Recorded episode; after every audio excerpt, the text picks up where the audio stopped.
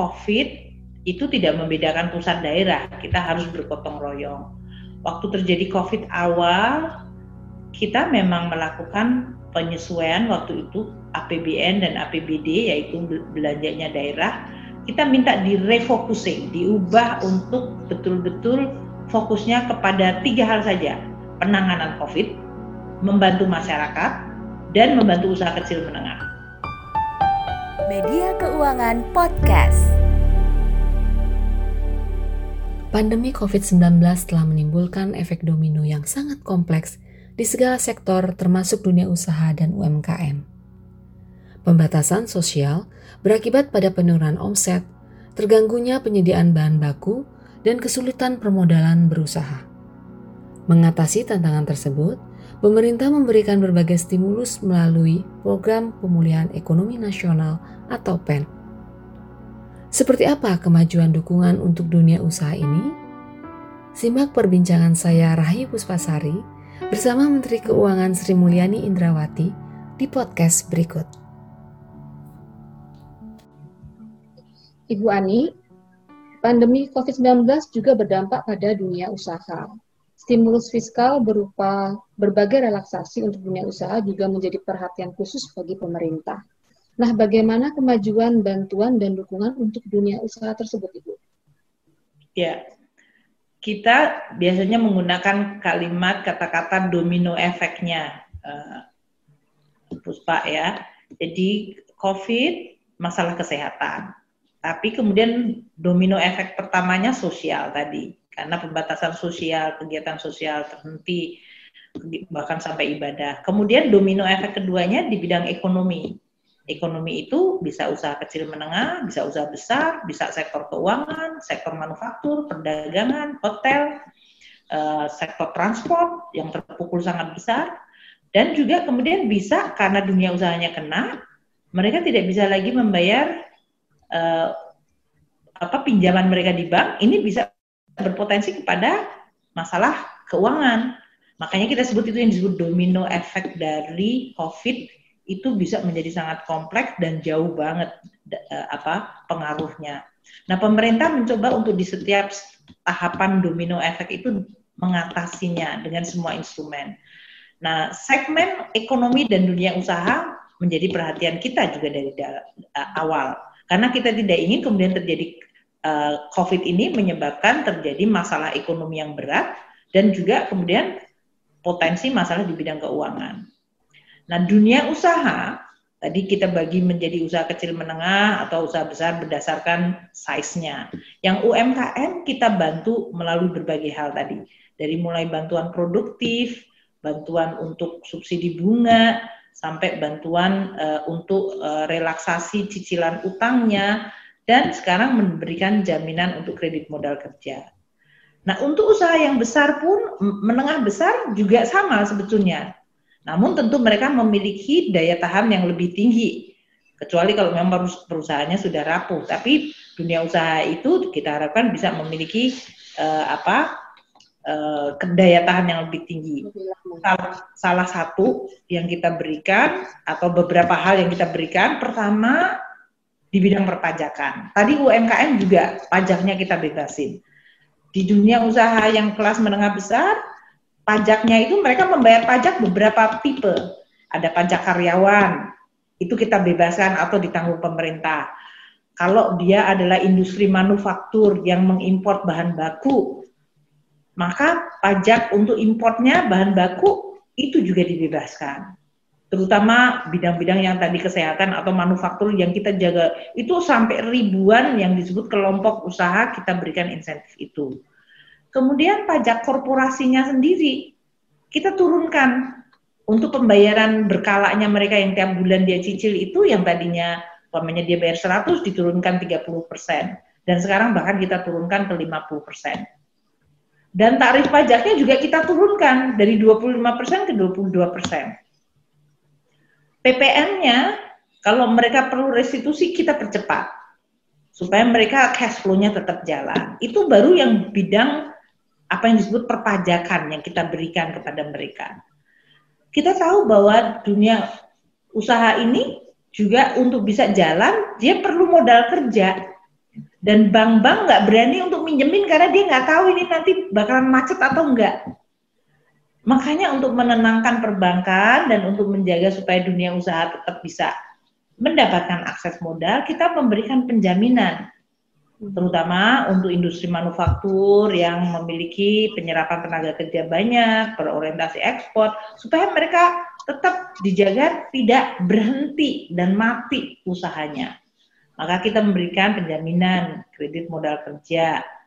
Kita juga memberikan bahkan kalau untuk BUMN-BUMN yang bisa menciptakan kesempatan kerja, membangun infrastruktur, kita memberikan uh, penanaman modal negara pemerintah bahkan untuk supaya dunia perbankannya itu mampu dan mau meminjamkan dengan suku bunga yang rendah, kita naruh uang di perbankan, Puspa. Dengan suku bunga yang luar biasa dari Bank Indonesia, bahkan lebih rendah, yaitu kita memberikan diskon dari suku bunga Bank Indonesia. Uang itu kita taruh di bank, ada Bank Himbara dalam hal ini, dan kemudian bank pembangunan daerah, bank syariah, itu semuanya un untuk uang dengan dana murah itu di bank itu dipakai untuk meminjamkan ke perusahaan, operasi, hmm. bahkan ke bank syariah, bank, eh, bank BPR, bank perkreditan rakyat. Ini supaya ekonomi nggak berhenti. Jadi instrumen pemerintah tuh bermacam-macam, insentif pajak, pemberian jaminan, memberikan dana murah, kita me, me, melakukan uh, apa penyertaan modal negara, memberikan dana talangan dan itu bahkan pemerintah pun masih menggoyor lagi dengan anggaran pemerintah untuk padat karya. Ini supaya ekonominya muter. Sektor-sektor di daerah-daerah tetap kita berikan. Dan kemarin para pengusaha mengatakan kita nggak bisa membayar listrik abodemennya terlalu berat abodemennya listrik kita hilangkan sehingga mereka membayar waktu kondisi eh, kondisi usahanya turun dan dia mengkonsumsi listriknya turun ya dia bayarnya sesuai dengan konsumsi listrik turun. Nah ini yang dilakukan oleh pemerintah mencoba memberikan berbagai hal supaya masyarakat dan dunia usaha kita memiliki daya tahan uh, yang tangguh untuk hal itu. Kemarin yang terakhir kita berikan untuk para pekerja yang kehilangan pekerjaan diberikan prakerja dan untuk yang masih bekerja dengan dengan tingkat pendapatan di bawah 5 juta diberikan tambahan bantuan dari pemerintah. Ini supaya masyarakat punya daya beli dan kalau kemudian dia berkonsumsi maka ekonominya mulai bangkit lagi. Pengusaha, oh berarti ada marketnya jalan lagi, mereka kemudian memproduksi dan kemudian banknya bersedia untuk mem, me, apa, menyalurkan kreditnya. Ini kan yang disebut tadi ekonominya berhenti atau lumpuh karena COVID. Sekarang COVID-nya coba di apa agak di, di, di, diatasi dan kemudian disuntiklah kegiatannya supaya mereka kembali tumbuh lagi. Itu yang dilakukan oleh pemerintah melalui berbagai tadi kebijakan, instrumen, dan penempatan dana dan sumber-sumber dana yang lain. Ibu Ani, usaha pemulihan ekonomi nasional juga menyasar pemerintah daerah. Apa saja upaya pemerintah pusat untuk membantu meningkatkan kapasitas pemerintah daerah dalam menangani COVID dan juga memulihkan ekonomi di daerah? Ya, uh, seperti saya sampaikan tadi, Indonesia itu negara besar Peranan pemerintah daerah menjadi penting dengan adanya desentralisasi otonomi daerah dan COVID itu tidak membedakan pusat daerah. Kita harus bergotong royong. Waktu terjadi COVID awal, kita memang melakukan penyesuaian waktu itu APBN dan APBD yaitu belanjanya daerah. Kita minta direfocusing, diubah untuk betul-betul fokusnya kepada tiga hal saja. Penanganan COVID, membantu masyarakat dan membantu usaha kecil menengah. Itu pemerintah daerah APBD-nya diubah. Dan itu berarti memakan waktu atau pemerintah daerah mesti harus melakukan perubahan-perubahan seperti itu. Ini yang merupakan satu tantangan. Mereka harus mengubah APBD-nya tapi menangani COVID persis seperti yang dilakukan pemerintah pusat tadi. Menangani COVID segera, bantu masyarakat, usaha, namun APBN-nya harus berubah. Itu sama dengan daerah. Semua, Ibu ya. Semua Semuanya mereka. Dan bahkan ada anggarannya yang harus diturunkan diambil oleh pemerintah untuk kemudian diturunkan lagi dalam bentuk untuk belanja COVID, belanja vaksin COVID, realokasi, refocusing. Nah ini yang uh, memang kemudian menjadi salah satu yang menyebabkan tadi perubahan pada bulan-bulan kritis, bulan Maret, April, Mei, bahkan sampai dengan Juni terjadi banyak sekali perubahan ini yang kemudian agak memperlambat pencairan anggarannya. Nah, sekarang sudah pada bulan Agustus, September dan uh, kita melihat tantangannya juga sudah mulai teratasi tadi dari sisi kondisi ekonominya. Kita mengharapkan pemerintah daerah akan menjadi pelaku terdepan untuk juga memulihkan kondisi masyarakat dan ekonominya meskipun pemerintah pusat tadi menggunakan semua instrumennya tadi membantu masyarakat, membantu usaha kecil menengah, membantu dunia usaha dengan instrumen yang banyak sekali tadi, kita minta pemerintah daerah juga sekarang menjadi uh, pemimpin, inisiator, dan juga katalis bagi pemulihan ekonomi di daerah. Nah, pemerintah daerah bilang, saya nggak ada resource-nya. Eh, kita mengatakan, ada aja resource yang di dalam Anda pakai, semuanya direalokasi aja. Pokoknya hanya untuk COVID, bantu bantuan sosial, dan bantuan usaha kecil menengah. Kalau mereka mengatakan, Bu, kita punya beberapa proyek yang bagus ini, kalau kita lakukan bisa memulihkan ekonomi daerah, kita bantu. Makanya kita sekarang melakukan apa yang disebut dana alokasi khusus fisiknya kita tambah Dana insentif daerahnya kita tambah. Dana bagi hasilnya kita segera cairkan. Itu supaya pemerintah daerah memiliki resource atau sumber dana sehingga mereka bisa. Kalau itu pun belum mencukupi, mereka juga kita sekarang bilang kamu boleh pinjam dengan suku bunga 0% dari pemerintah untuk proyek-proyek yang memang kalian prioritaskan dan penting. Jadi sekarang pemerintah daerah sudah ada permintaan sekitar 40 triliun dari mulai berbagai provinsi DKI, Jawa Timur, Banten, sampai Sulawesi Utara, Bali, dan berbagai daerah lain, baik provinsi maupun kabupaten. Ini saya berharap akan membuat pemerintah daerah itu kemudian memiliki uh, leadership ya kepemimpinan dan inisiatif untuk memulihkan masing-masing daerah. Jadi pemerintah akan terus membantu secara sektor maupun secara daerah. Yang sektor itu seperti umpamanya uh, pariwisata. Kita bantu. Ini pariwisata kan dengan pemerintah daerah deket banget. Hotelnya ada di daerah, restorannya di daerah. Kalau kemudian wisatawan nggak datang, mereka pendapatan asli daerahnya lumpuh. Maka kita bantu berbagai hal tadi. Untuk pemerintah daerahnya kita memberikan transfer, bantuan, untuk sektornya kita bantu tadi hotel, restoran dari mulai pajak daerahnya sampai kepada bantuan untuk tadi listrik sampai juga bantuan uh, dalam bantuan tadi yang langsung pinjaman kepada daerah. Ini tujuannya ya supaya tadi pemulihan ekonomi bisa berjalan di se semua daerah. Tidak hanya daerah yang terkena COVID tapi juga daerah yang tidak terkena COVID atau yang COVID-nya masih rendah. Karena pemulihan ekonomi Indonesia ya harus disumbang oleh semua daerah dan kepemimpinan dari daerah itu entah itu adalah gubernur, bupati, wali kota itu menjadi sangat penting. Kerjasama mereka dengan DPRD-nya juga sangat penting sehingga kita bisa melakukan uh, kebijakan, keputusan dan tindakan yang tepat waktu tadi adaptif, fleksibel uh, dan responsif itu bisa jalan juga di daerah. Ibu Ani, dengan dinamika yang terjadi menghadapi situasi yang sangat extraordinary ini, tentunya banyak juga peluang yang dilihat pemerintah sebagai usaha untuk mereform. Boleh diceritakan, Ibu? Ya, Puspa ya, kalau kita lihat negara-negara, krisis itu kan nggak terjadi cuma hari ini. Dunia itu krisis terjadi berkali-kali dan dalam bentuk manifestasinya sumbernya berbeda-beda. Kalau kita bicara pandemi, ya ini pernah terjadi tahun 1918. Eh, kemudian kalau krisis keuangan, oh pernah terjadi berkali-kali di Indonesia tahun 97-98, kemudian krisis keuangan global tahun 2008. krisis utang di negara-negara Latin Amerika terjadi, kemudian krisis yang terjadi karena adanya perang yang kemudian terjadi gelombang pengungsi, itu juga terjadi.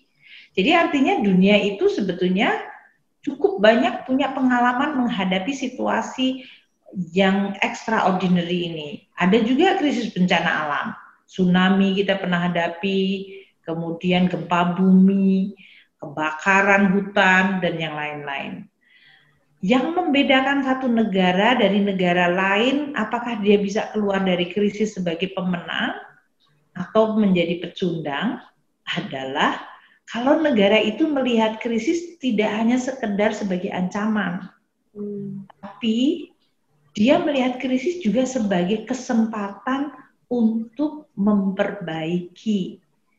Jadi umpamanya kalau ini krisisnya pandemik adalah kesehatan, kita gunakan ini sebagai kesempatan mereform sistem kesehatan kita. Sehingga tadi kita memiliki kesiapan apa yang disebut health preparedness dari kemungkinan terjadinya another health crisis.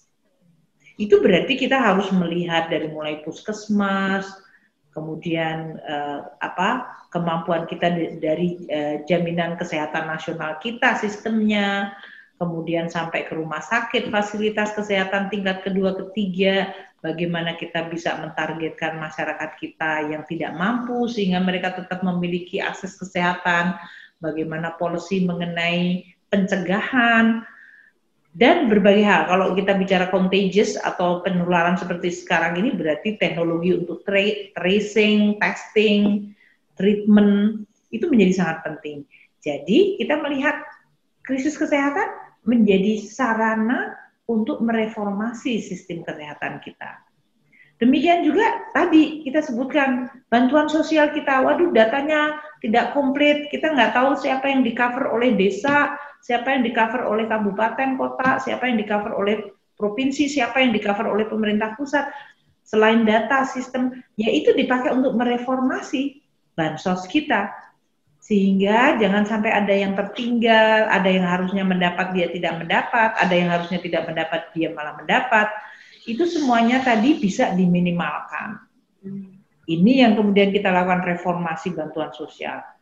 Terus tiba-tiba murid-murid, anak-anak kita nggak bisa sekolah di sekolah, harus menggunakan video Zoom atau menggunakan digital.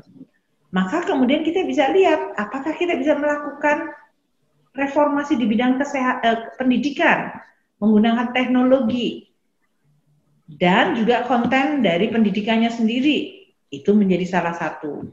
Di bidang ekonomi kita juga lihat oh reformasi dengan adanya berbagai macam halangan kita untuk PSBB berarti kita harus membangun infrastruktur digital. Maka kita memprioritaskan sekarang infrastruktur digital harus dibangun, diakselerasi, anggarannya dinaikkan, targetnya jelas, ada 12.000 desa yang belum koneksi dengan internet.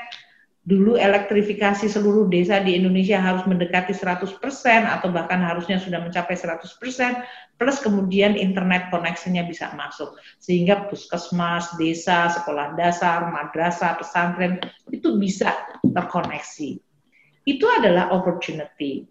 Belum kalau kita bicara tentang reform yang lain di Kementerian Keuangan kita bilang, oh masalah logistik menjadi salah satu yang menjadi beban dunia usaha. Mumpung lagi krisis kita bikin benahi itu sistem nasional logistik ekosistem kita. Itu dilakukan di tengah-tengah krisis. Kemudian kita bicara tentang belanja kita. Wah ternyata kita lihat belanja itu bisa overlapping, bisa inefisien, bisa juga bocor, maka kita melakukan reformasi belanja. Gimana caranya agar belanja negara dengan belanja di daerah dan manfaat pada masyarakat itu bisa menjadi makin maksimal. Kita membuat reform, cara kita mengalokasikan, cara kita memonitor, cara kita untuk pelaporan, dan untuk menjaga efisiensi. Jadi Puspa, semua negara menghadapi krisis pandemi ini namun tidak semua negara nanti akan keluar sebagai pemenang. Kita berharap Indonesia akan menjadi sedikit negara yang bisa keluar dari krisis COVID dan sekaligus sebagai pemenang. Tidak hanya mengatasi COVID-nya, tapi justru pada saat kita sibuk dan tadi masalah kompleks yang berhubungan dengan COVID masih dihadapi, kita tidak pernah hilang fokus terhadap bahwa Republik Indonesia itu masih harus diperkuat fondasinya. Daya saing kita, produktivitas kita, competitiveness kita, dan kemudian inovasi kita. Karena kita punya demografi yang muda kita memiliki penduduk yang usia mudanya itu lebih banyak daripada usia yang aging, yang sepuh. Dan itu kekuatan. Namun anak-anak muda ini harus diberi kesempatan. Pertama mereka harus sehat, mereka nggak boleh kurang gizi, mereka harus memiliki akses pendidikan yang baik. Mereka juga diberikan berbagai kesempatan untuk maju.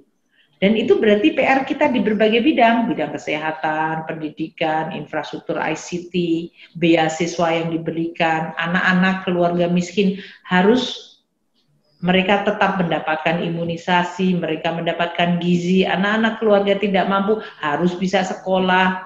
Apakah dia sekolah biasa, sekolah madrasah, pesantren, kualitasnya harus makin meningkat. Kalau dia cerdas dan terus ingin meneruskan, dia bisa mendapatkan beasiswa dan ini anggaran pendidikan kita sampai 550 triliun, anggaran kesehatan mencapai mendekati 170 triliun, bantuan sosial kita lebih dari 400 triliun. Itu semuanya adalah untuk membuat generasi muda populasi Indonesia itu menjadi generasi yang lebih baik. Itu yang kita coba terus lakukan. Jadi sekali lagi krisis jangan membuat kita menjadi disoriented.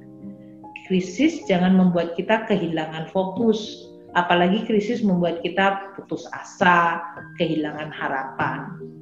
Justru bangsa yang kuat, manusia-manusia yang hebat dan kuat adalah yang mereka melihat krisis itu sebagai ujian memang, tapi juga sebagai kesempatan untuk bisa membangun lebih baik lagi.